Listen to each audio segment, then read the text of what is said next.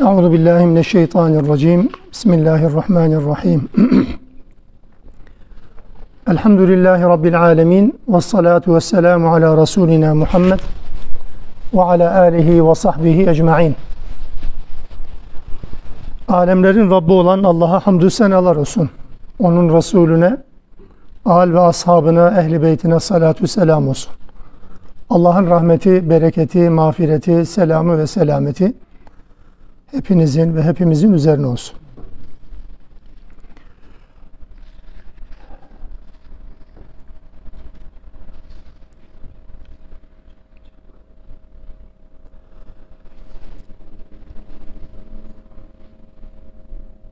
Kudüs'le alakalı, Yahudilerle alakalı elbette kendimizi bildik bileli herkes bir şeyler söyler, söylüyor, söylemeye devam ediyor.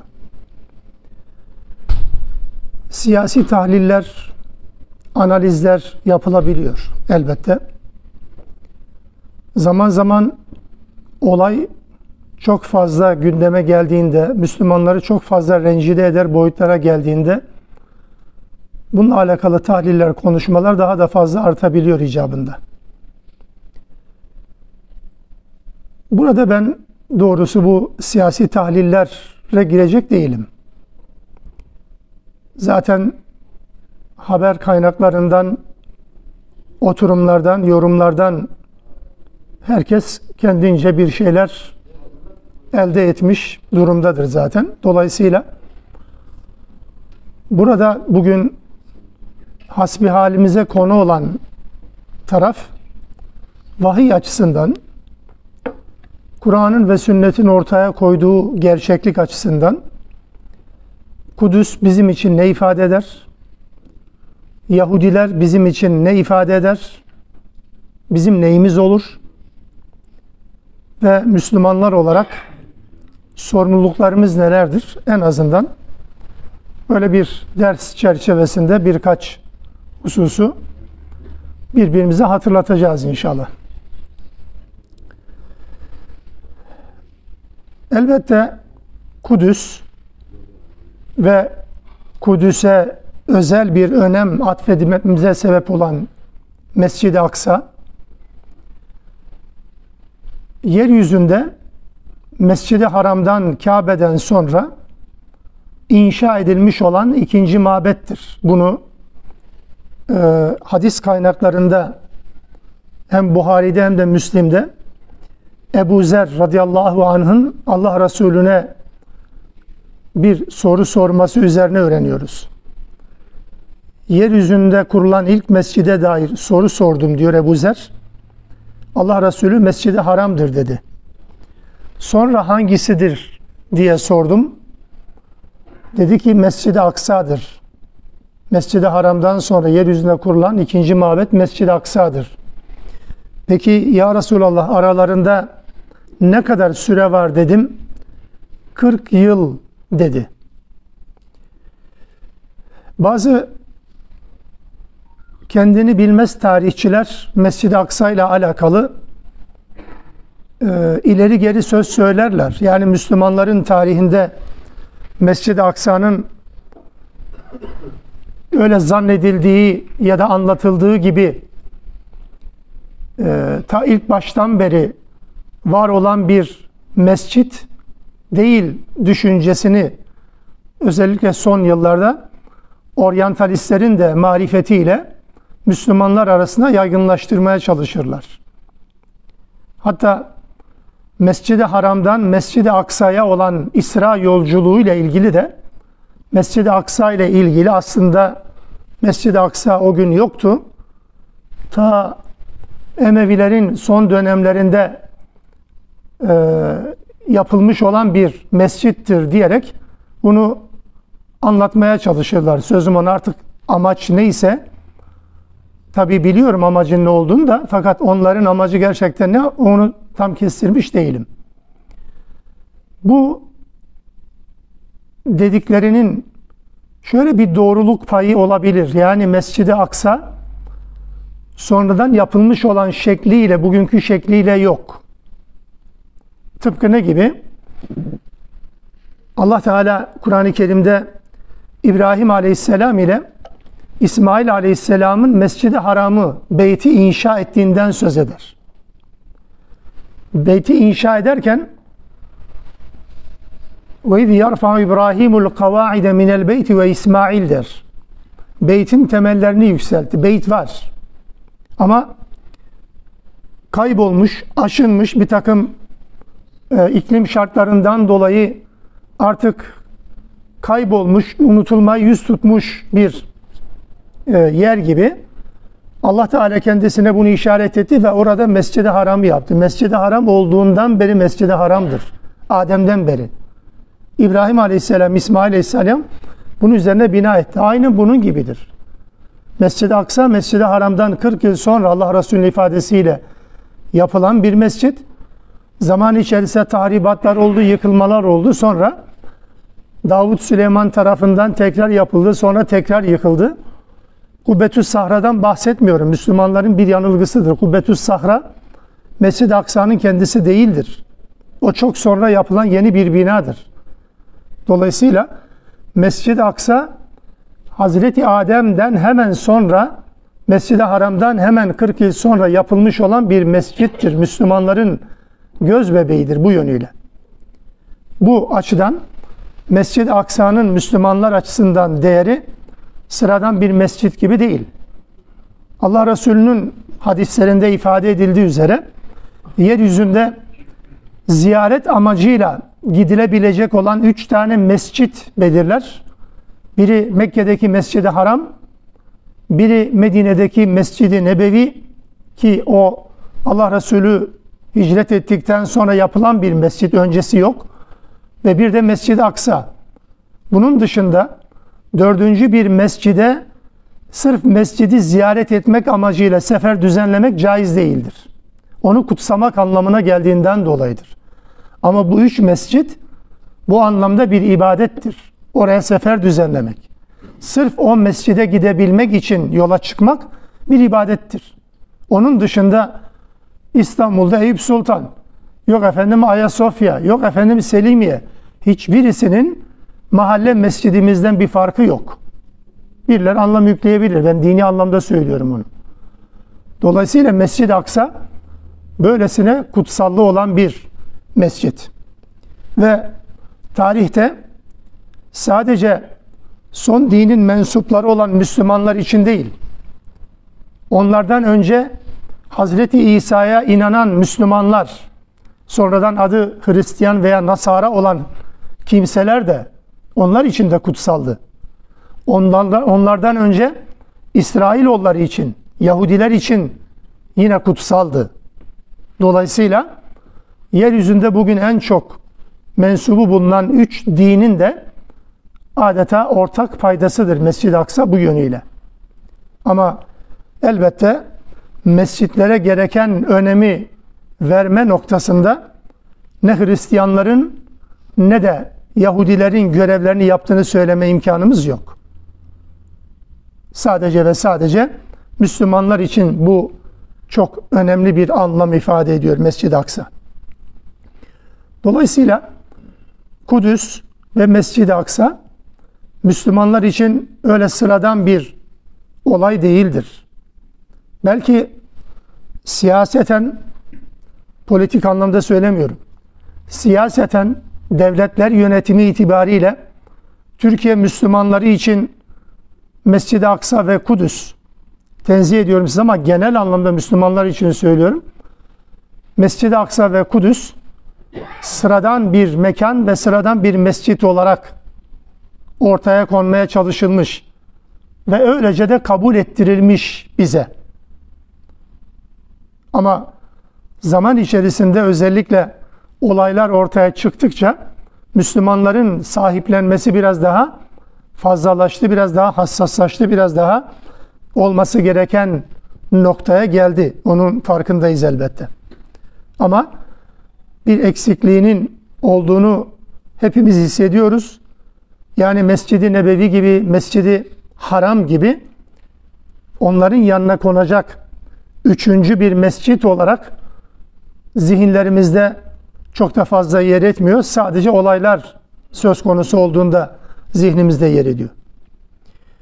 Elbette bu diğer din mensuplarının bu mescide, Aksa'ya, Kudüs'e yaklaşımıyla alakalı tarih içerisinde birçok şeyler yaşanmış. Zaman içerisinde oraya mescidin dışında farklı statüler yüklenmeye çalışılmış. Haçlar orayı işgal edince haçlar dikilmiş, putlar, heykeller konmuş. Sonra Müslümanlar orayı fethetmiş. Hazreti Ömer daha sonra Hazreti e, Ömer'den sonra Salahaddin Eyyubi o arada tekrar işgal edildikten ve farklı amaçlara hizmet için kullanılır hale geldikten sonra Selahaddin Eyyubi tarafından Allah rahmet eylesin fethedilmiş. Bu tarihi bilgileri hepimiz aşağı yukarı biliyoruz. Burada özellikle son yıllarda ve haseten de son birkaç günde Müslümanların zihnini meşgul eden, etmesi de gereken elbette. Şu anda Yahudiler ve Kudüs ve Müslümanlar bu üç kelimeyi yan yana kullanmak icap edecek. Yani burada başta söylediğim siyasi tahliller yapmak yerine vahyin bizim önümüze koyduğu Yahudi kimliği var. Bunun üzerinde biraz birkaç noktaya dikkat çekmek istiyorum. Doğrusu içinde yaşadığımız toplumun Yahudileri tanımadığını iddia ediyorum. Vahyin perspektifinden Yahudileri tanımıyoruz. Kendi kafalarımız ve kendi kurallarımız, ölçülerimiz çerçevesinde biz bir Yahudi portresi oluşturmaya çalışıyoruz. Allah'ın ortaya koymuş olduğu, tanıtmış olduğu Yahudi portresi bizi farklı bir noktaya götürecektir. Sadece bir kavmi, bir toplumu tanıtmak değil. Yani şu şu özelliklere sahiptir, vay be falan değil mesele. Bir kavmin bir özelliğini Allah anlatıyorsa ve bunu evrensel mesajına koymuşsa arkadaşlar bu özelliklerin dünya durdukça Müslümanlar tarafından bilinmesi sadece bilinmesi yetmiyor. İşte temel problemimiz bu. Biliniyor ama bilinmesi kadar bir de o bilinen özelliklere göre bir muamelenin ortaya konması gerekiyor. Yani bu açıdan Müslümanların genelinin Yahudileri bu açıdan tanımadığı kanaatindeyim şahsen. Katılmayabilirsiniz. Eğer tanımış olsaylardı Müslümanlar Yahudilerin bu kadar palazlanmasına da fırsat verilmezdi. Ekonomik anlamda bu kadar güçlenmesine de fırsat verilmezdi. Ya tanımıyoruz ya da tanımazlıktan geliyoruz. Her ikisi de acı. Allah Teala vahyi önümüze koymuş. İsrailoğulları ve onların neslini devam ettiren Yahudiler. Niye aynı kefeye koyuyor? Allah Teala bütün ayetlerde Mekke'de inen, Medine'de inen ayetlerde siz, siz, siz diye hitap ediyor. İsrailoğullarından bahsederken. Oysa orada İsrailoğulları yok gibi değil mi? Ama onların misyonuna sahip çıkan Yahudiler aynı. Değişen bir şey yok. Bu açıdan Yahudileri tanımıyoruz veya tanımazlıktan geliyoruz. Tanıyor da buna rağmen bunu yapıyorsak çok daha büyük bir vebal içindeyiz. Kur'an 14 asır önce ilk muhataplarına bu kavmi tanıtmış, onlara karşı uyanık olmalarını salık vermiş. Allah Resulü Aleyhisselatü Vesselam da gerçekten çok dikkatli davranmış. Onlarla birlikte Medine'de bir sözleşme kültürüyle yaşamış. Fakat her an ne yapacakları belli olmayan bir toplumu olarak bildiği için onlara çok fazla prim vermemiştir. Nadiroğullarını sonra önce Kaynukoğullarını, sonra Nadiroğullarını, sonra Kureyzaoğullarını peş peşe Medine'den sürgün etmiştir. Niye? E çünkü bu toplum kendilerine Allah'ın gönderdiği peygamberleri öldüren bir toplumdur. Tarihte bunun başka bir örneği yok. İsrailoğullarının tarihinde böyle bir kara leke Kur'an tarafından ortaya konur. Allah'ın peygamberlerini öldüren bir toplumdur. Değişmedi ki.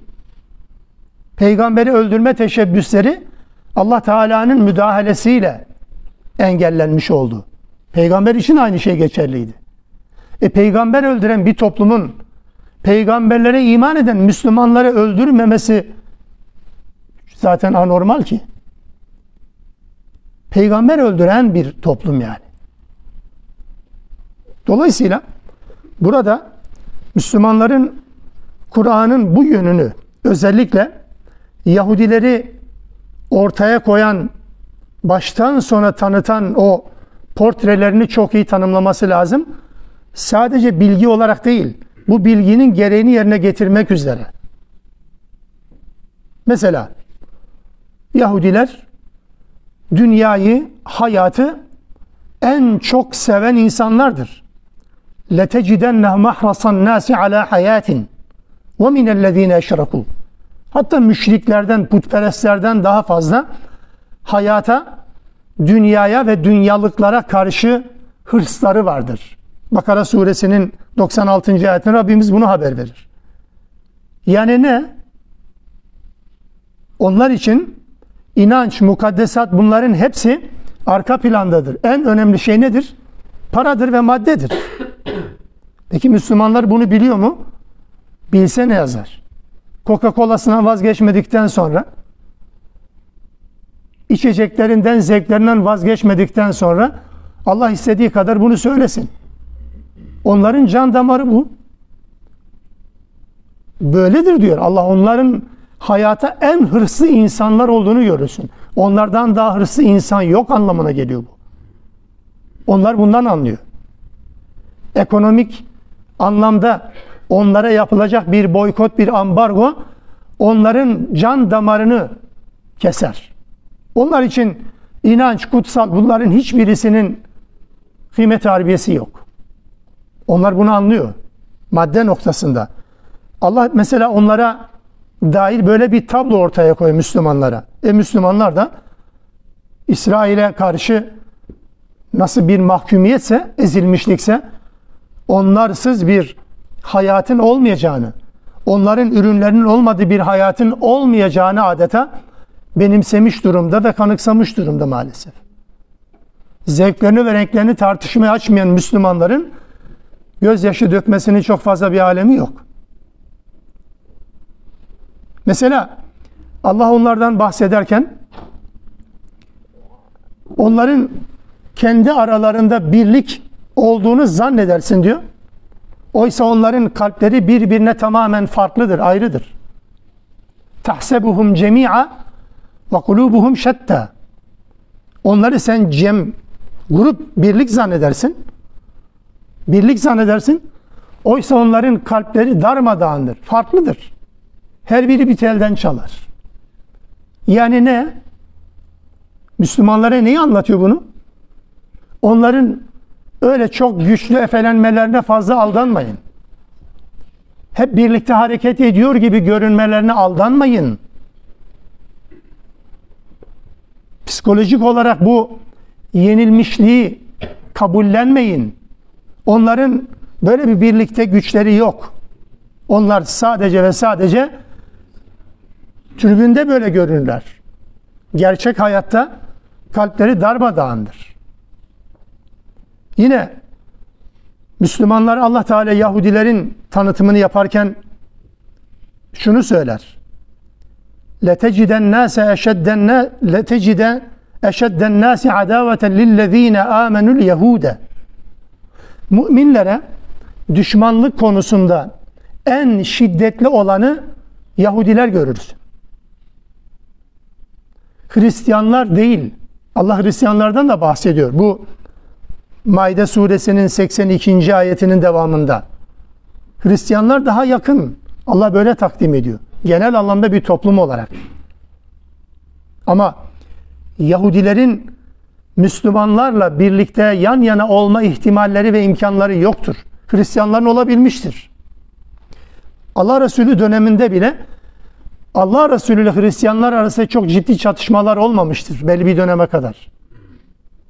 Ama Yahudiler Medine'ye geldiği ilk günden itibaren sürgün edildikleri güne kadar hep ihanet içerisinde olmuşlar, hep düşmanlık yapmışlardır.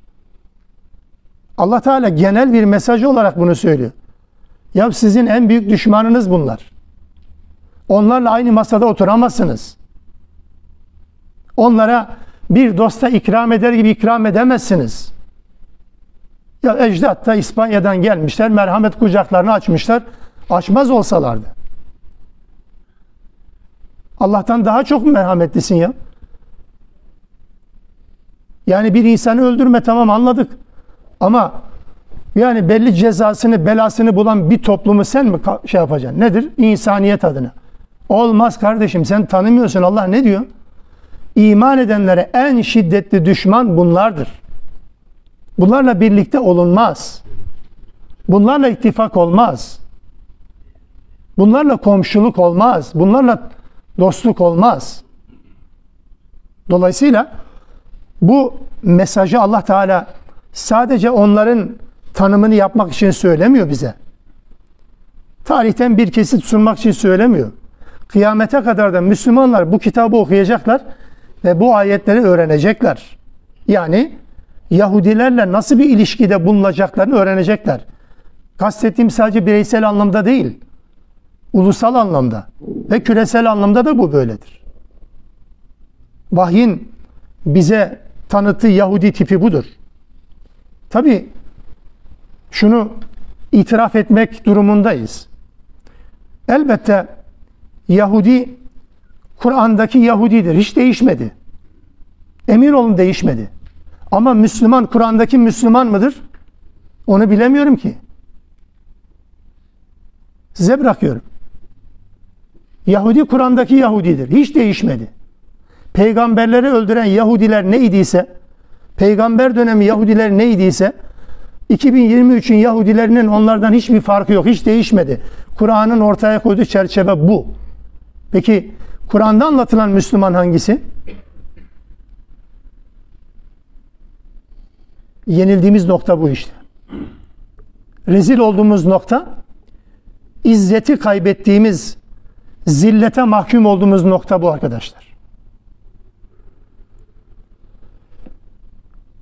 Burada özellikle Yahudilerden Rabbimiz bahsederken mesela İsra suresinin baş taraflarında İsra hadisesini anlattıktan sonra İsrailoğullarıyla ilgili yani Yahudilerle ilgili kıyamete kadar sürecek bir yasadan söz eder. Kıyamete kadar bu sürecek.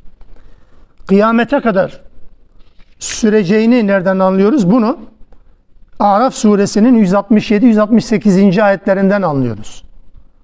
İz teezzene rabbuke Rabbin şunu ilan etti. Yeb'athenne aleyhim ila yevmil kıyameti men yesumuhum su'al azab. Onlara işkencenin en kötüsünü onların işkencenin en kötüsünü yapacak birilerini musallat edecek. Ne zamana kadar? İla yevmil kıyame. Kıyamet gününe kadar. Bu değişmeyecek. Allah'ın yasası. İsra suresinin 4, 5, 6 ve 7. ayetlerinde bu yasayı Rabbimiz şöyle ifade eder. Biz İsrailoğulları için kitapta şunu belirledik. Siz yeryüzünde bizim ayet meallerinde, Kur'an meallerinde iki defa fesat çıkaracaksınız diye tercüme edilir. O iki defa yani üç değil iki anlamına değil bu. Birin hemen yukarısı iki anlamında değil bu.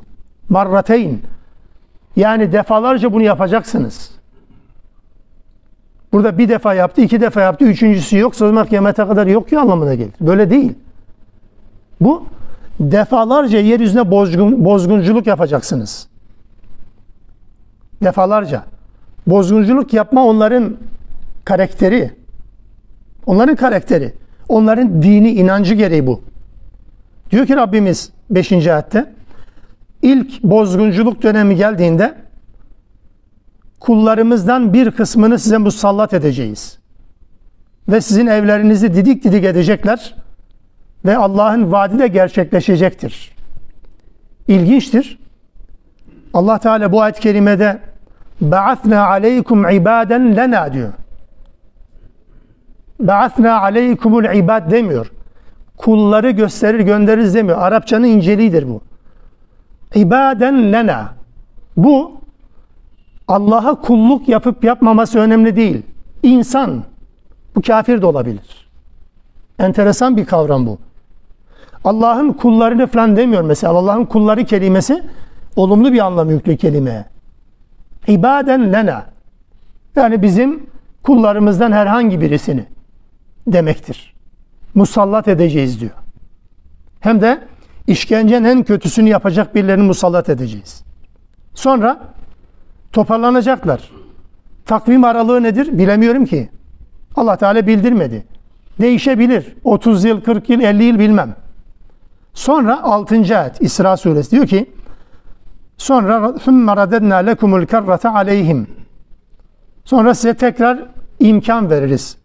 وَاَمْدَدْنَاكُمْ بِاَمْوَالٍ وَبَن۪ينَ وَجَعَلْنَاكُمْ اَكْثَرَ نَف۪يرًا Mal ve çocuklarınızı yine arttıracağız. Yani bir nevi bir kırıma uğradınız. Tekrar yeniden bir nesil oluşacak. Yeniden ekonomik gücünüzü kaybettiniz. Yeniden bir ekonomik güç kazanacaksınız. Mal ve çocuklar bunu temsil ediyor. Sosyal nüfus ve nüfus anlamında, statü anlamındadır bu. Dolayısıyla sonra bunu vereceğiz size. Arkasından 7. ayet diyor ki İn ahsentum ahsentum enfusikum. İyilik yaparsanız kendinize. İsrailoğulları. Ve in ese'tum feleha. Eğer kötülük yaparsanız bu da kendinizedir. Siz bilirsiniz. Sonra diyor ki fe izâ câ va'dul âhireti sonraki bozgunculuk dönemi geldiğinde ve liyedhulul mescide kema dehaluha evvele marratin ve liyutebbiru ma alev tetbira. Memleketinizi alt üst edecekler. İlk bozgunculuk döneminde nasıl birilerini musallat ettiysek tarumar etti memleketinizi, mabetlerinizi, kutsallarınızı, ırzlarınızı ayak altına aldılar o insanlar. Aynen o ilk fesat döneminde yaşadıklarınızın tekrar aynısını yaşarsanız eğer dönerseniz. Kötülük yaparsanız. Ve 8. ayette genel bir ilkeyi değişmeyen bir ilkeyi koyuyor. Asa rabbukum yerhamakum. Allah'ın size merhamet etmesi her zaman için ümit edilir. Ama ve in uttum udna. Ve in uttum udna.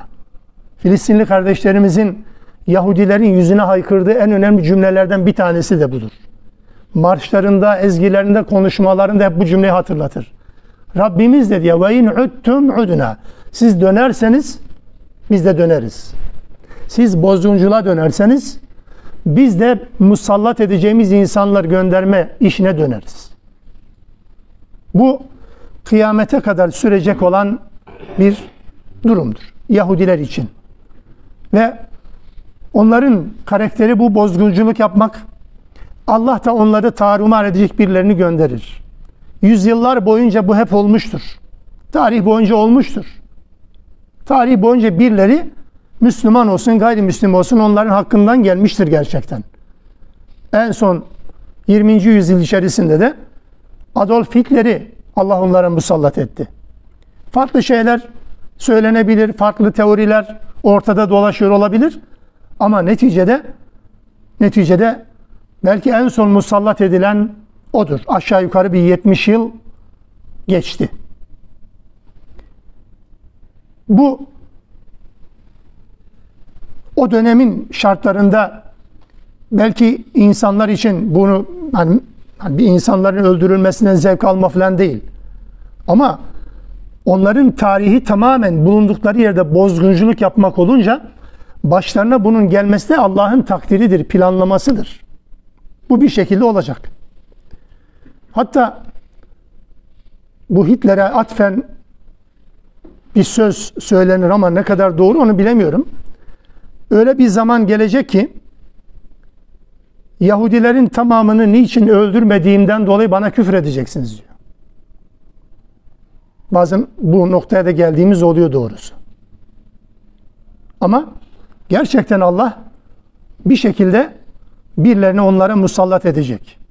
Müslüman olsun ya da gayrimüslim olsun mutlaka bu olacak elbette.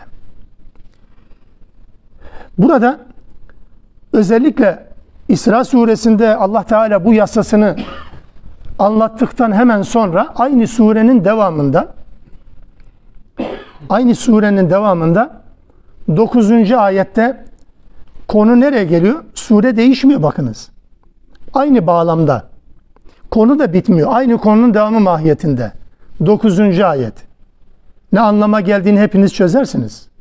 İnne hâzel Kur'âne yehdi lilleti hiye akvam. Bu Kur'an bu Kur'an var ya insanları en mükemmele götüren bir kitaptır der. Ne alaka? Yahudilerden, tarihlerinden bahsetti, bozgunculuklarından, Allah'ın yasasından bahsetti etti. Dönerseniz biz de döneriz dedi. Arkasına dedi ki bu Kur'an elbette en mükemmel olana götüren bir kitaptır. İman eden ve salih amelde bulunan Müslümanlara da gerçekten büyük bir ücret, büyük bir mükafatı vaat etmektedir. Müslümanlar elbette Allah'ın kitabıyla birlikte oldukları süre içerisinde tarih boyunca hep izzetli olmuşlardır. İzzetli olmak az olmamak anlamına gelmez. İzzetli olmak çok ölü vermek anlamına gelmez. Zelil olmak veya zelil olmak ya da izzetli olmamak çok ölü şehit sahibi olmak demek değildir. İzzetli olmak ayakta kalabilmektir her şeye rağmen. Allah'ın razı olduğu bir toplum haline gelebilmektir. Müslümanların bu bağlama dikkat ederek bu ayeti okuması durumunda karşımıza şu tablo çıkar.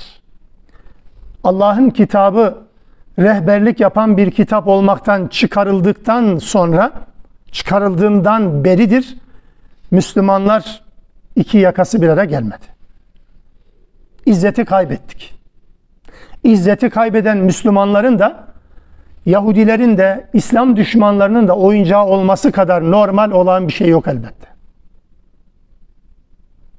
İzzeti kaybetmemizin işte nedeni bu. Allah'ın kitabıyla. Herkes Kur'an'a hürmet edebiliyor. Allah'ın kitabıyla olmak onu göbekten yukarıda tutmak demek değil. Baş tacı etmek değil. Hayatın merkezine koymaktır. Bir Anadolu şehri tırnak içinde muhafazakar bir şehir olmasına rağmen Malatya'da İslam'ın kokusunu, İslam'ın varlığını hissettiren bir çarşı, bir pazar kültürü var mı? Kuşadası'ndan bahsetmiyorum ya. Malatya'dan bahsediyor. Buyuz yani. Böyle bir ortamda elbette bu zilleti Allah yaşatır. İzzeti Allah'ın kitabıyla birlikte olan hayatın merkezini bunu koyan insanlara Allah verir. İzzet onlaradır. Hayatı kendi kafana göre yaşa. Sonra da izzetli bir durum, bir tavır ortaya koymayı bekle. Yok böyle bir şey olmamış ki. Olmaz da zaten. Dolayısıyla burada Yahudileri tanıtan kitap, Allah'ın kitabı, Yahudilere karşı nasıl bir durum, tutum içerisinde olmamız gerektiğini bildiren kitabı hayatın merkezine koymak zorundayız. Kritik soru şu. Allah Teala neden Kur'an'da en çok Yahudilerden bahseder?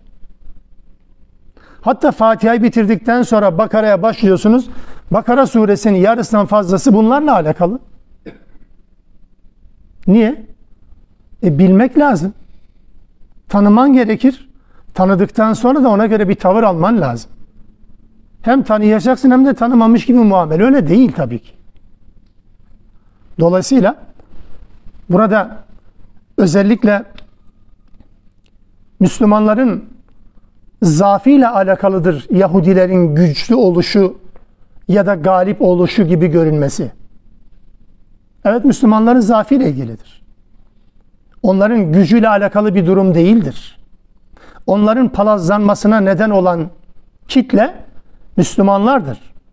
İster bireysel anlamda, ister ister Müslüman toplumların seçtiği yöneticiler anlamında, ister Müslümanları idareye, idare etmeye talip olan, seçimli olmasa bile talip olan yöneticiler sayesinde, o yöneticilerin her şeye rağmen yönetmeye devam etmesine ses çıkarmayan pasif Müslümanların yüzündendir bu. Bu kadar. Dolayısıyla bizim şu anda kulaklarımıza gelen her haber, gözlerimize sunulan her görüntü bizi kahredecek. Bu da Allah'ın bir imtihanı, bu da Allah'ın bir cezası. Durup dururken insanın üzülmesi, kahrolması basit bir ceza mı gerçekten? Müslüman endişesi olan Müslüman uykuları kaçar ya. Ama durup da kendine de soracak elbette. Neden böyle oldu ki? Peki sorumluluklarımız ne? Ne yapacağız yani? Ben çocukluğumdan beri birçoğunuzdan yaşça büyüğüm. Çocukluğumdan beri ben en son 1972-73 yılını hatırlıyorum. Babam gazetelerden falan takip ederdi bu davanın o günkü sürecini vesaire. 73'ten beri hatırlıyorum. Ya oradaki Müslümanlar hiç rahat etmedi ki. Sabra ve Şatilla'yı yaşadığı zaman o Müslümanlar, bu insanlardan çoğu arkadaşlar belki doğmamıştı. Ama hafızalarda daha taze. Onların aktörleri kimisi cehenneme yuvarlandı gitti, kimisi cehennemin boylamayı bekliyor. İlk defa değil ki. Bir defada 5 bin, 6 bin insan öldürüldüğü zamanlar olmadı mı? Çok oldu.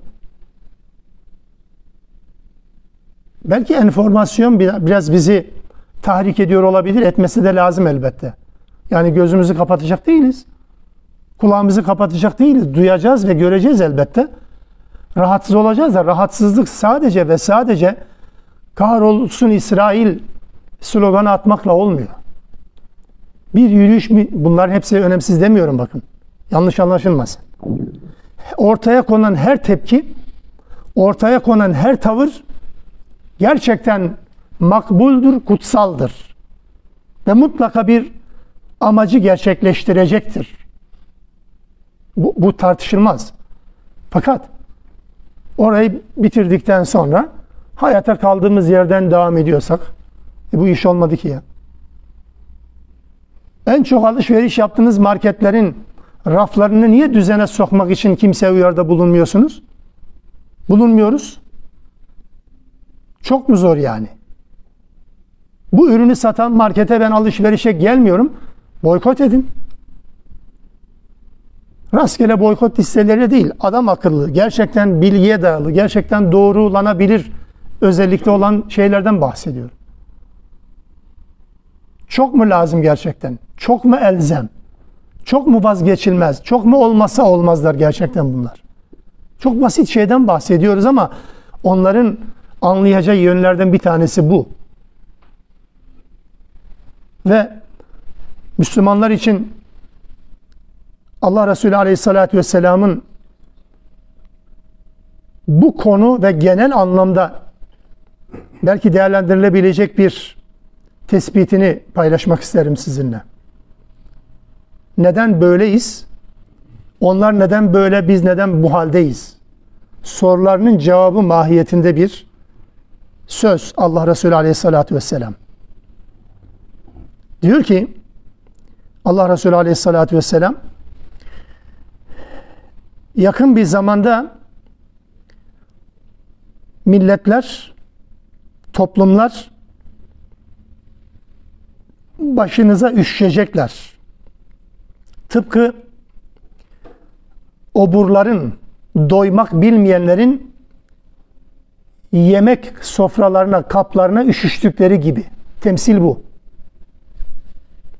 Oburların, doymayanların yemek sofralarına üşüştüğü gibi toplumlar da başınıza üşüyecekler. Yuşeken teteda'a aleykumul ümem. Ümem. Ümem kelimesi kullanılıyor. Bugün Birleşmiş Milletler'in adı da El Ümemül Müttahide'dir Arapça. Birleşmiş Milletler. Toplumlar başınıza üşüyecekler. Bunun üzerine orada bulunan sahabe Fevban radıyallahu anh var. O rivayet ediyor hadisi. Sahabeden bir kısmı dediler ki ya Resulallah bunun böyle olmasının nedeni o günkü sayımızın azlığından mı? Öyle ya. Sayımınızın azlığından mı olacak? Millet bizim başımıza üşüyecek bizi bitirmek için. Allah Resulü dedi ki siz o gün tam tersine daha çok olacaksınız. Sayınız daha fazla olacak. Fakat tekunune gufâen ke gufâis seyl. Selin üzerindeki çer çöp gibi, köpük gibi olacaksınız diyor. Selin üzerinde köpük gibi olacaksınız. Görüntü fazla. Kalabalık dışarıdan uzaktan bakıldığı zaman çok yoğun bir şey var zannediyor. Oysa fos köpük ya da çer çöp. Ve sonra diyor ki Allah Resulü düşmanlarınızın sizden olan korkusu kalplerinden silinecek. Düşman sizden korkması gerekiyordu. O düşmanın sizden olan korkusu ortadan kalkacak. Allah Allah.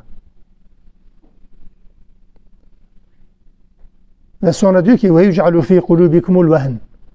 Ve kalbinize de vehn girecek. Vehn nedir diye soruyorlar. Bu kavram ilk defa Allah Resulü kullanmış. Vehn yani sözlük anlamı değil elbette farklı bir anlamda olduğunu tahmin ettiler. Dediler ki vehn ne ya Resulallah? Vehn dedi hubbul hayat ve kerahiyetül mevt. Hayatı çok sevmek ve ölümden hoşlanmamaktır. Bu hadisi sondan başa doğru götürelim.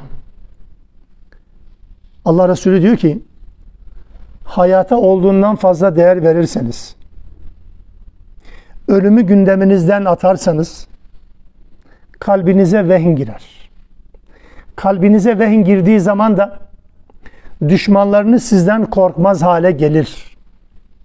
Düşmanlarınız sizden korkmaz hale gelince önüne gelen sizinle oynar ve size musallat olur ve sizi yok etmeye çalışır.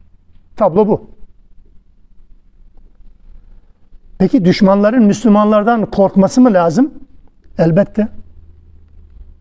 Müslümanların caydırıcı bir güç olması lazım. Allah Allah Teala Haşr suresinde Yahudilerle Medine'de ilk Müslümanların karşı karşıya kaldığı bir savaştır. Beni Nadir Savaşı. Nadiroğulları ve sürgünle sonuçlandı. Kuşatıldı. Onu da birazdan söyleyeceğim. O tabloyu da Haşr suresinin başı. O tabloyu anlattıktan sonra surenin devamında o dönemde tabi Yahudiler kalelerine güveniyorlar. Müslümanlar da onların yenilip yiyeceğini zannediyor. Ama kendi evlerini kendi elleriyle ve Müslümanların elleriyle yıkarak gidiyorlar, çıkıyorlar oradan. Yahudiler orada Müslümanlara karşı direnmelerine neden olan güç özellikle münafıklar. Bir şey olursa size biz arkanızdayız. Maddi manevi bütün desteklerimizi hepsiyle arkanızdayız diye söz verler. Surenin devamında onların bu palavralarını Allah anlatır. Ve bir yere gelir 13. ayette diyor ki Allah Teala bu Allah Resulü'nün söylediği sözün mahiyetiyle alakalı entum eşeddu rahbeten fi sudurihim min Allah. Muhteşem bir ifade. Bunu serlevha yapması lazım Müslümanların. Onlar Allah'tan çok sizden korkarlar. İlk Müslümanlar böyleydi. Allah'tan korkmuyor bu insanlar ama Müslümanlar söz konusu olduğu zaman tir tir titriyorlar. Allah'tan çok sizden korkuyorlar bunlar. Cümle şu. Evet Müslümanlar siz Yahudiler için, İslam düşmanları için korkutucu bir yapı oluşturmak zorundasınız. En büyük sorumluluğumuz bu. Ve kaybettiğimiz ilk halka da bu, son halka da bu. Kimse korkmuyor ki, kimse takmıyor Müslümanlar ya.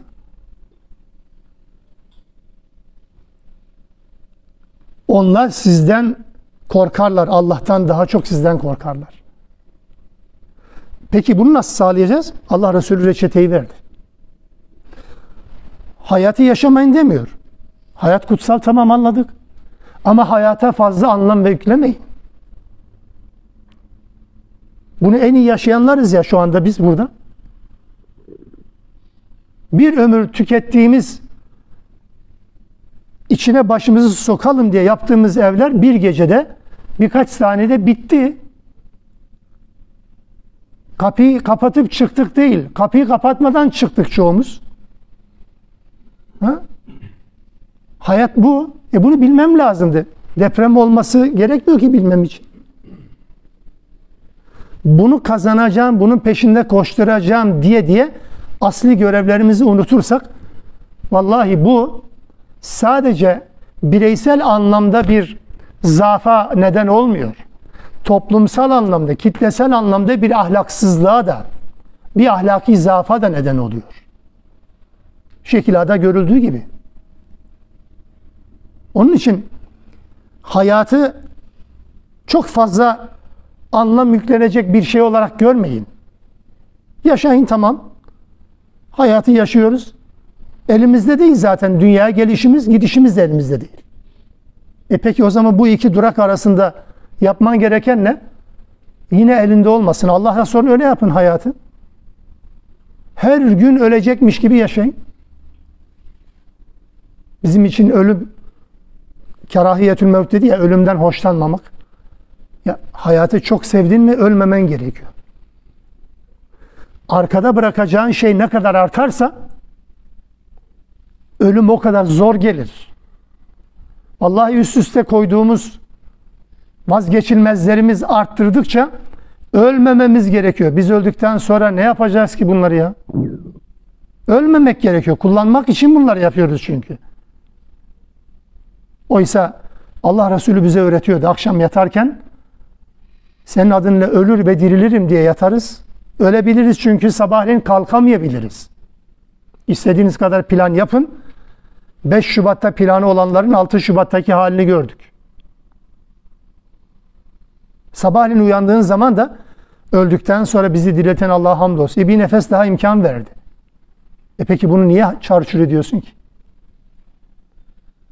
Ölüm her zaman olabilen bir şeydir. Çok büyütülecek bir olay değil ki. Doğum kadar normaldir. Hatta doğumdan daha normaldir ölüm. Mülk suresinin başına bakın. اَلَّذ۪ي خَلَقَ الْمَوْتَ وَالْحَيَاةَ Ölümü ve hayatı yarattı. Kur'an-ı Kerim'de kelimelerin dizilişi tesadüfen değildir. Rastgele değildir. Ha böyle ha böyle değil. Allah ölümü yarattı, hayatı yarattı. Ölüm hayattan daha büyük bir gerçek. Kimin doğacağı bilinmez ama doğan herkesin öleceği kesin. Ölüm hakikati doğumdan daha önemlidir. E bunu bildikten sonra problem olmaz ki. Ayetleri görüyorsunuz. Dünya alem de biliyor. Yahudiler de hepsini herkesten daha fazla biliyor. Karşılarında olan insanlar şehadeti hayat kadar seven insanlardır. Beri tarafta hayatı seviyor, vazgeçemiyor. Öbür tarafta adam ölüme aşık. Şehadeti hayat kadar seviyor. Ne yapabilir ki? Dünyanın en tehlikeli insanı budur. Tırnak içinde söylüyor. Ama hayata çok anlam yükledin mi? Ölümden uzaklaştın mı? Cihat ruhunu bir tarafa bıraktın mı? Dünyanın en berbat varlığıdır bu. Beş kuruş etmez ya. Ne dünyaya yarar ne ahirete yarar. Onun için sorumluluğumuz son noktada başlamıyor. Benim şahsen kahrolduğum şey bu zaten. Yani sadece birileri gözümüze ve kulağımıza arz ettiği zaman dramatik olayları bunları arz ettiği zaman değil hiçbir şey yokken de Müslümanlar Müslümanca bir hayat yaşamak zorundaydı. Sorumluluklarını bilecekler. Ve yine aynı şekilde Müslümanlar yenilgi kompleksinden kurtulması lazım. Bakın Allah'ın tahmin edilemeyen, duyu organlarıyla idrak edilemeyen yardım türleri vardır. Ve Kur'an'da bunu tarif ederken Allah Teala ve cunuden lem taravhadir. Allah'ın Uhud'da da, Huneyn'de de, Bedir'de de Peygamber Aleyhisselatü Vesselam'ın gizlendiği mağara sırasında da kullandığı terim bu. Ve cunuden lem taravha. Görmediğiniz ordular. Biz mağaranın ağzına güvercin ağını falan germeye çalışırız da Allah Teala görünen ordular değil mi? Görünmeyen ordularla destek. Ne demek görünmeyen ordular? İstediğin kadar konuş, tanış, tartış. Çözemezsin. Görünmeyen ordular. Peki bunu Allah Teala kitapta anlatıyor. Kardeşler kusura bakmayın da biz Allah'ın kitabının içindeki ayetleri bilgi olarak kabulleniyoruz. Hepsi başımızın tacı. Vallahi birçoğuna inanmıyoruz ya. İnanmadığımız ayetlerden bazısı bu işte. Allah'ın yardımı. Nasıl yani? Yani bu kadar olduktan sonra e, olur tabii. Allah'ın öteden beri Adem gününden bu tarafa kıyamete kadar yasası böyledir, değişmeyecektir. Sen istediğin zaman Allah gelmiyor ki. Kur'an'da Bakara suresi iki sayfa boyunca Talut Calut kıssası anlatılır. Savaşı isteyen İsrailoğulları. Bize bir komutan tayin et. Hikaye anlatmıyoruz, ayet. Yorumsuz söylüyorum. Ya sonra savaşmazsanız, ya olur mu? Memleketimizden çıkarılmışız, zelil edilmişiz, zillet yaşatıyorlar bize. Nasıl savaşmayız? Bize bir komutan tayin et. Peygamberlerine söylüyor. Allah da vahiy ile bildiriyor diyor ki hadi size Talut komutanınızdır. Ya komutan ola ola bula bula Allah Talut'u mu buldu? Adam varlığı yok. Ekonomik imkanı yok. Cüssesi yerinde değil şu bu. Bin türlü bahaneyle ya bundan komutan olmaz dediler. Ne bekliyorlardı? Omuzu ve cebi kalabalık adam bekliyorlardı. Allah dedi ki savaş bilgisi konusunda bu uzman yetenek olarak da yeterli size komutan olacak. Elendi bir kısmı. Komutanlığını beğenmediler. Savaşalım diye yiğitlik ortaya koyanlar yani bekara avrat boşanmak kolay derler ya öyle. Sonra Talut'la birlikte devam ettiler yola. Talut dedi ki bak Allah seni imtihan edecek. Bir nehirle. Bu nehre geldiğiniz zaman sakın ha. Kana kana içmeyin. Hele hele stok yapmayın suyu. İçeceğiniz kadar için. Susuzluğunu giderin devam edin. İmtihan. Niye mi? E, Allah öyle imtihan etti. Geldiler nehre. Hatırlattı onlara. Buna rağmen umursamadılar. İçtiler de içtiler. Mataranı doldurdular. Yerlerine çakılı kaldılar birçoğu. Az içenler az kaldı. Yani tabir caizse birinci grup komutanlıkta elendi. İkinci grupta suda elendi. Yani üçte iki gitti. Ordunun geri kalan savaşacak kısmı üçte bir. Ve Calut'un ordusuna karşı çıktılar. Kim yenebilir ki? Mümkün değil.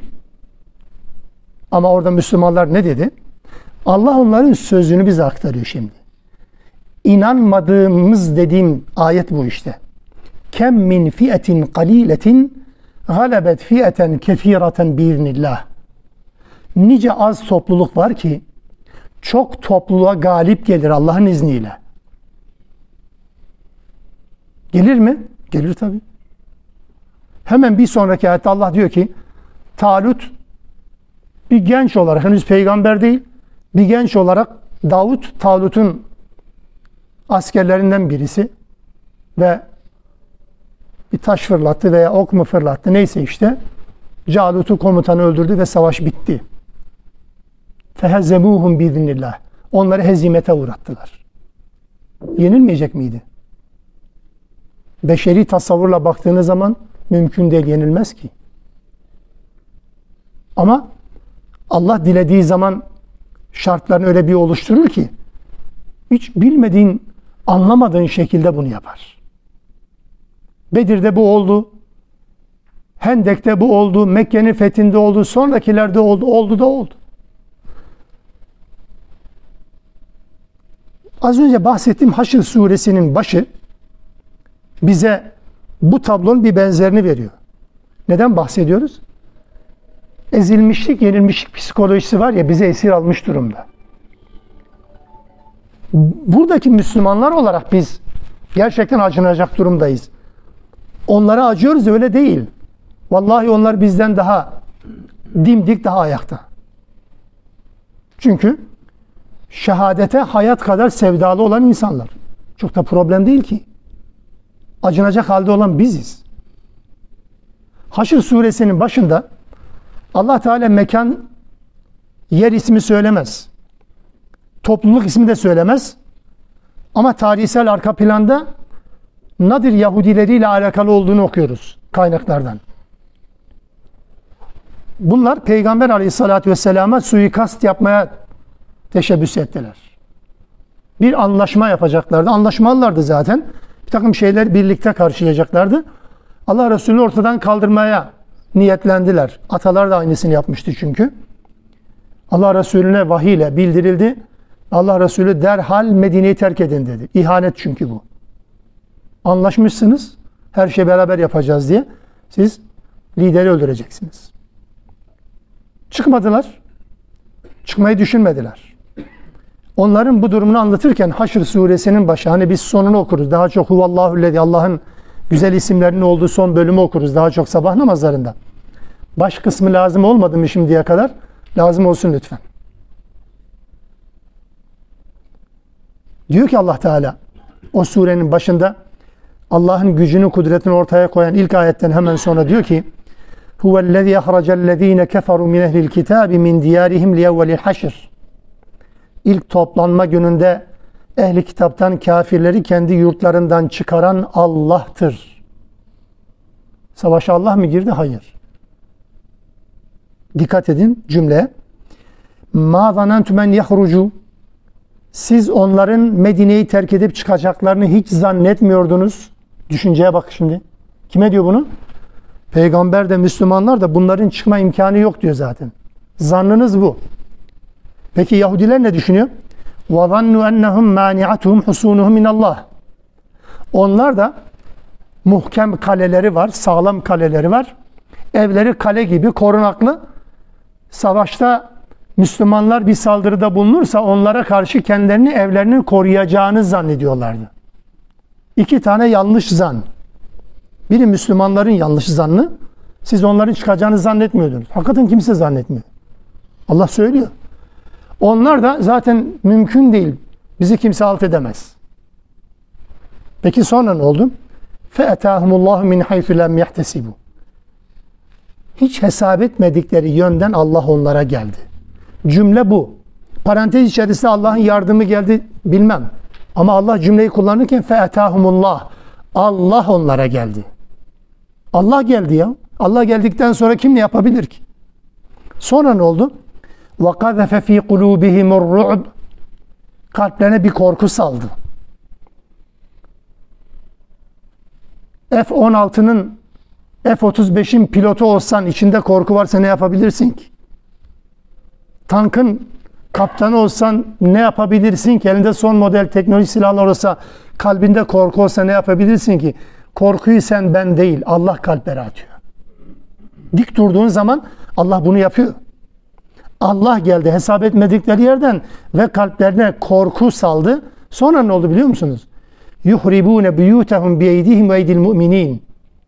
Kendi elleriyle ve Müslümanların elleriyle, müminlerin elleriyle evlerini yıktılar ve tıpış tıpış Medine'yi terk ettiler. Allah Teala onlar, Allah Resulü onları süre vermişti çünkü.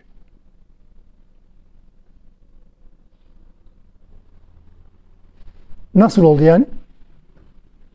Peki biz bu ayeti ne okuyacağız? Yani tarihte bir varmış bir yok. Bak ne dedi? Nadiroğulları sözü geçmedi. Geçmedi yani. Medine geçmedi. Zaman mekan vermedi. Ve Ayetin devamında ne dedi biliyor musunuz? Bu Haşr suresi ikinci ayeti. فَاَعْتَبِرُوا يَا اُلِي الْاَبْصَارِ Ey basiret sahipleri! Ey bakış açıları düzgün olanlar! İbret alın. Kime diyor bunu? 2023'ün Müslümanlarına diyor. Şu an için. 14 asırda Allah Teala ibret alın diyor. Hala diyor. Ve diyecek de. Ne zamana kadar? Kıyamete kadar bu kural böyledir. Onun için Müslümanların bir defa bu yenilmişlik, ezilmişlik psikozunu bir tarafa atması gerekiyor. Bu da ancak Allah'la iletişimin, Allah'la ilişkinin sağlıklı olup olmamasına bağlı. Allah'ın yardımı evet yani gerçekten umulmadık zamanlarda, umulmadık şekillerde gelir. Fakat şunu da bilelim ama. İki olayla karşılaştırarak bunu söyleyeceğim. Allah yardım etmeye mahkum değil. İstiyor ki Müslümanlar da Müslümanlar da din adına dava adına bir adım atsınlar. Kendi güçlerinin yeteceği kadar, güçlerini aşan şeylerden bahsetmiyor. Allah beklemiyor zaten. Güçlerinin yeteceği kadar bir şey yapsınlar. Allah da gerisini tamamlayacak umulmadık şekilde. Gücün yettiği kadar. Ben gücüm bu kadar. İki tane olay karşılaştırma için vereceğim. Fil suresini hepimiz biliriz. Fil suresini. Ebrehe, fil ordusu öyle sembolize ediliyor değil mi? Yeryüzünün en muhteşem ordusu, en güçlü ordusu. Önüne çıkan hiçbir şeyi affetmeyen ezen bir ordu. Ne oldu? Kabe'yi yıkmak, Allah'ın kutsallığını ortadan kaldırmak adına sefer yaptı, yolculuğa çıktı ordusuyla birlikte Mekke'ye dayandı. Mekkeliler baktılar bu orduyla baş edilmez. Reis Abdülmuttalip gitti. Ya dedi vallahi ben ancak develerimin sahibiyim. Ben yapacağım fazla bir şey yok. Ya ben de senden bir şey bekliyordum diyor. Sen deveden bahsediyorsun diye Ebrehe. Al develer senin olsun diyor. Ebu Talip geliyor. Yapacak bir şey yok. Bu, bu güçle baş edilmez. Mekke, Kabe'nin içerisi putlarla dolu. Abdülmuttalib'in bir dua şeyi var. Seansı var orada. Kabe'nin eteğine yapışarak. Zannedersiniz ki Ebu Bekir radıyallahu anh dua etmiş gibi. Öyle bir dua yapıyor. Bütün Mekkeliler çünkü gitti. Kutsal gidiyor. Onlar için de kutsal. Hiç beklenmedik bir şekilde ve arsale aleyhim tayran ebabil. Sürüler halinde sürüler halinde kuşlar gönderdi Allah Teala. Ve onları ağıllarda hayvanların böyle çiğneyip çiğneyip attığı saman çöpleri haline dönüştürdü. Yenmiş ekine dönüştürdü. Ki asfin mekul yaptı. Nereden geldi? Mekkelerin düşündüğü bir şey değildi. Zannetmiyorlar ama dediler ki ya Rabbi sana havale ediyoruz. Sen Mekke'ne sahip çık. Sen sahip çıkmasan bizim yapacak bir şeyimiz kalmaz. Gücümüz yok. Allah tarihe müdahale etti. Gelin Hicri 72. Haccaç dönemi. Allah Resulü 23 yıl yaşamış. Medine'de bir devlet adeta kurmuş. Dört halife Ebu Bekir, Ömer, Osman, Ali radıyallahu anhum ecma'in muhteşem bir dönem yaşamışlar. Son dönemler sıkıntılar olsa da ama muazzam bir İslami egemenlik, hakimiyet oluşturmuşlar. Hicri 72. yıl. Yani peygamberin vefatından 62 yıl sonra. Haccac, Mekke'ye sığınan Abdullah bin Zübeyir ve diğer Müslümanları, sahabeyi orada öldürmek adına, onlar da zalimlere bunu vermemek adına bir direniş yapıyor ve Kabe mancınıklarla dövünüyor, dövülüyor. Kabe yıkılıyor. Yıkılıyor. Tahrip ediliyor. Allah yok. Kuşlar yok. Niye? Bu iki olay birlikte değerlendirelim. Fil ordusunda Allah olağanüstü kudretini gösterdi de aynı Kabe'ye saldıran birileri oldu. Allah Teala'dan tabiri caizse tık yok. Resmen öyle. Niye? Çünkü Ebrehe döneminde Allah'ın kutsal olarak ortaya koyduğu Kabe'sine sahip çıkacak bir ümmet yok. Dava adamı yok. Allah sahip çıktı. E peygamber geldi size bir din bıraktı, muazzam bir toplum, muazzam bir nizam bıraktı. E ölü müsünüz? Siz koruyacaksınız daha. Siz gidip yıkarsanız Allah siz bozun ben de yapayım demiyor ki Allah Teala. Allah'ın yardımı her zaman gelmiyor bakınız. Aynı noktaya yapılan saldırının birinde Allah'ın yardımı varken birinde yok. Bu Allah Teala'nın yasası olarak da kıyamete kadar devam eder. Adım atılacak yani. Allah küfürden dolayı mesele helak etmiyor. Zulümden dolayı helak ediyor. Bak mesela Kabe'nin içerisini putlar da doldurduğundan dolayı Mekkelileri helak etmiyor. Dikkat ettiniz mi? Allah kendi hukukunu bağışlayabiliyor. Kabe'nin içi putlarla doldurulmuş. Mekkelere Allah'ın azabı gelmiyor. Ama birileri insanların hukukuna saldırdı mı Allah Teala hemen devreye giriyor. Bu budur. Ve yapman gereken şeyleri yaptıktan sonra veya acizin ortaya çıktıktan sonra Allah Teala mutlaka devreye giriyor. Dolayısıyla burada Allah'ın yardımının hiçbir zaman hiçbir zaman ötelenmediğini, terk edilmediğini bilelim. Ama takvimi zaman ne zaman onu bilmem. Burada özellikle zaferlerin, Allah'ın yardımlarının gecikmesi ilk defa, son defa olan şeyler değil. Mesela Bakara suresi Allah Teala bu zaferlerin gecikmesinden söz ederken diyor ki siz sizden önce geçmiş olan sizin gibi Müslümanların yaşadıklarını siz yaşamadan cennete gireceğinizi mi zannedersiniz? Messetumul be'sa ve darra sıkıntıların her türlüsü be'sa ve darra dahili harici hastalık, savaş neyse işte her türlü musibet onlar her taraftan kuşatmıştı. Ve zülzilu ve sarsılmışlardı. Hatta yekuler Resul vellezine amenu ma'ah hatta elçi, peygamberler onlarla birlikte, ümmetle birlikte Meta Nasrullah diyecek kadar sarsılmışlardı. Meta Nasrullah. Allah Allah. Peygamber bunu diyor ha. Allah'ın yardımının geleceğini bilmez mi? Ha, demek ki beşer bazen bunu aceleye getirmeye çalışıyor. Hemen Allah gelsin. Yok öyle değil. Meta Nasrullah denecek süreçler yaşanabiliyor bakınız. Hatta mesela Yusuf suresinde 110. ayette Yusuf suresinin 110. ayeti bizim mahallelerde çok yansıtılmayan bir anlam çok derin bir anlamı var. Meallerde hiç anlaşılmayan ayetlerden birisi bizim Türkçeleştirilen şey, meallerde.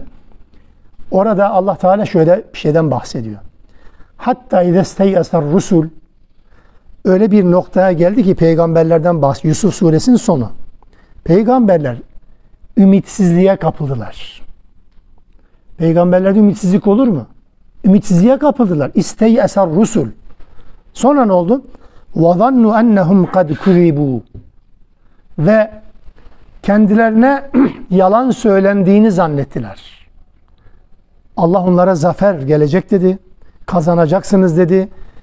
Allah'ın düşmanlarına bela gelecek dendi. Peygamberler ne zannetti? Dikkat edin bu cümleye. Kabulü çok zor bir cümle biliyorum. Peygamberler zalimlere azabın geleceğini, kendilerine zaferin geleceğine dair vaadin yalan olduğunu zannetmeye başladılar.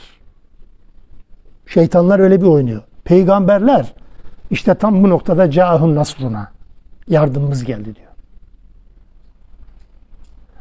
Bu anlamda zaferler istediğimiz zaman ve istediğimiz aşamalarda gelmeyebilir.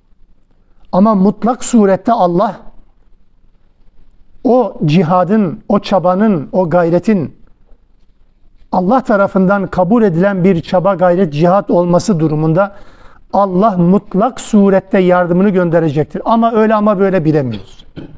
Bu Allah'ın vazgeçilmez, Allah'ın değişmeyen bir yasasıdır.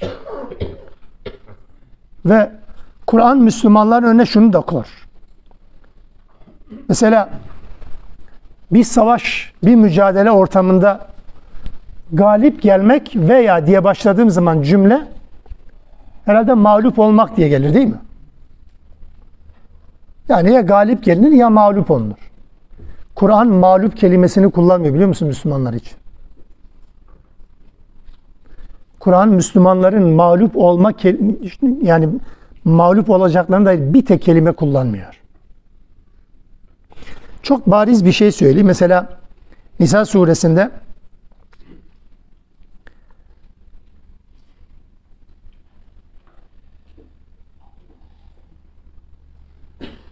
Müslümanlar diyor, müminler dünya hayatını verip ahiret hayatını tercih eden Müslümanlar Allah yolunda savaşırlar. Savaşsınlar. Kim Allah yolunda savaşırsa feyuktel ev yaglib. Feyuktel ev yaglib. İki tane kelime. Öldürülürse veya galip gelirse Allah ona ücretini verecektir. Mağlubiyet yok mu? Öldü. Onlarca yüzlerce şehit oldu. Allah buna mağlubiyet demiyor. Müslümanların bakış açısı bu. Belki hayatta olan hayatı çok seven bizler için bu öyle değil. Ama gerçekten şehadeti hayat kadar seven insanlar için bu böyledir. Anlatabiliyor muyum? Yani onlar ölmenin mağlubiyet olduğunu, ölü sayısının artmasının mağlubiyet olduğunu düşünmezler. Tevhid bize bunu anlatır. Vahiy bize bunu anlatıyor. Yenilgi yok. Ya galibiyet var ya ölüm var. Her ikisi de kazançtır da. Her ikisi de kazançtır. Dün Müslümanlara cesaret vermek üzere konuşurken dikkatimi çekti. Aynı ayetleri okumuştu. Müslümanlara diyordu ki İsmail Heniye وَلَا تَهِنُوا فِي ابْتِغَاءِ الْقَوْمِ Düşmanlarınızı takip etmekte gevşeklik göstermeyin ha. Allah söylüyor bunu. Ne zaman? İlk muhatap peygambere, son muhatap bize. Ve şu anda en çok muhatap da Müslümanlara. Düşmanları takip etmekte gevşek göstermeyin. İn tekunu te'lemune fe innehum ye'lemune kema te'lemun. Eğer siz acı çekiyorsanız bilin ki aynen sizinle mücadele edenler de acı çekiyor. Onların da acısı öyle. Onlar da acı çekecekler. Fakat sizin farkınız ne? Ve tercune minallahi ma la yercun. Sizin Allah'tan istediklerinizi onlar istemezler. Sizin Allah'tan ümit ettiğinizi onlar ümit etmezler. Farkınız bu. Tek fark bu işte.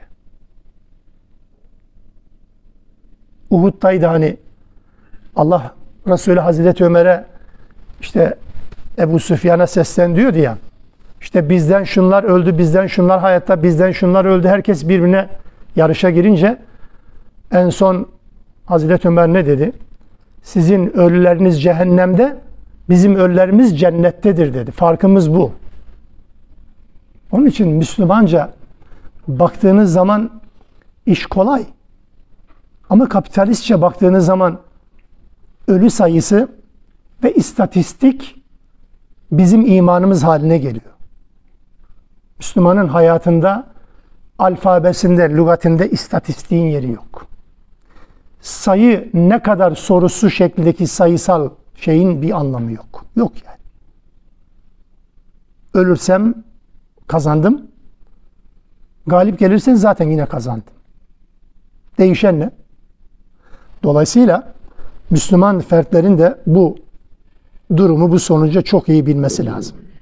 Allah Teala Ashab-ı Hudud'dan bahseder mesela. Buruç suresinde. Ashab-ı Hudud.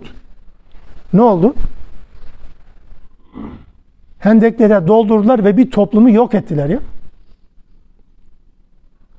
Allah onlardan bahsederken ne diyor? ذَٰلِكَ الْفَوْزُ kebir. Bu büyük bir başarı diyor ya. Büyük kurtuluş. Vahyin penceresinden baktığınız zaman bu böyledir. Büyük kurtuluş. Hayatı olduğundan fazla anlamlandırdığınız zaman işte ve hayatı olması gerektiği kadar anlamlandıranlar arasındaki farkımızı bu bakış açısıyla ancak çözmemiz mümkündür. Ve şunu unutmuyoruz. Unutmayacağız da. Allah Kur'an-ı Kerim'de hikaye anlatmaz. Evrensel bir mesajın içerisine tarihte milattan bilmem kaç yüzyıl önce yaşanmış olan bir olayı 14 asır önce anlattı ve 2023'te de hala bu olayı mesela Kasas suresini okuyorsak ne yapacağız?